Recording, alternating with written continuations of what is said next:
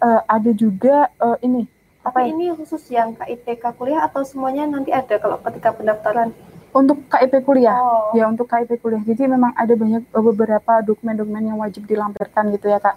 Terus uh, ada juga uh, token atau rekening listrik. Okay. Terus ada uh, foto rumah. Uh, terus foto rumah tampak depan. Ada juga foto ruangan tamu. Oh. Terus ada uh, KIP, nomor apa uh, apa ya kartu KIP mungkin yang semasa sekolah ini punya kartu KIP, KIP ya, gitu.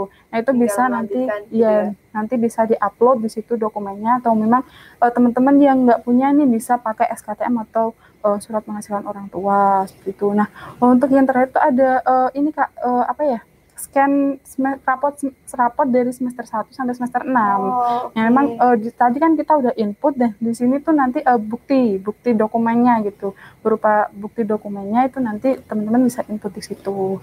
Terus juga uh, yang terakhir itu ada uh, kolom untuk uh, dokumen pendukung Kak.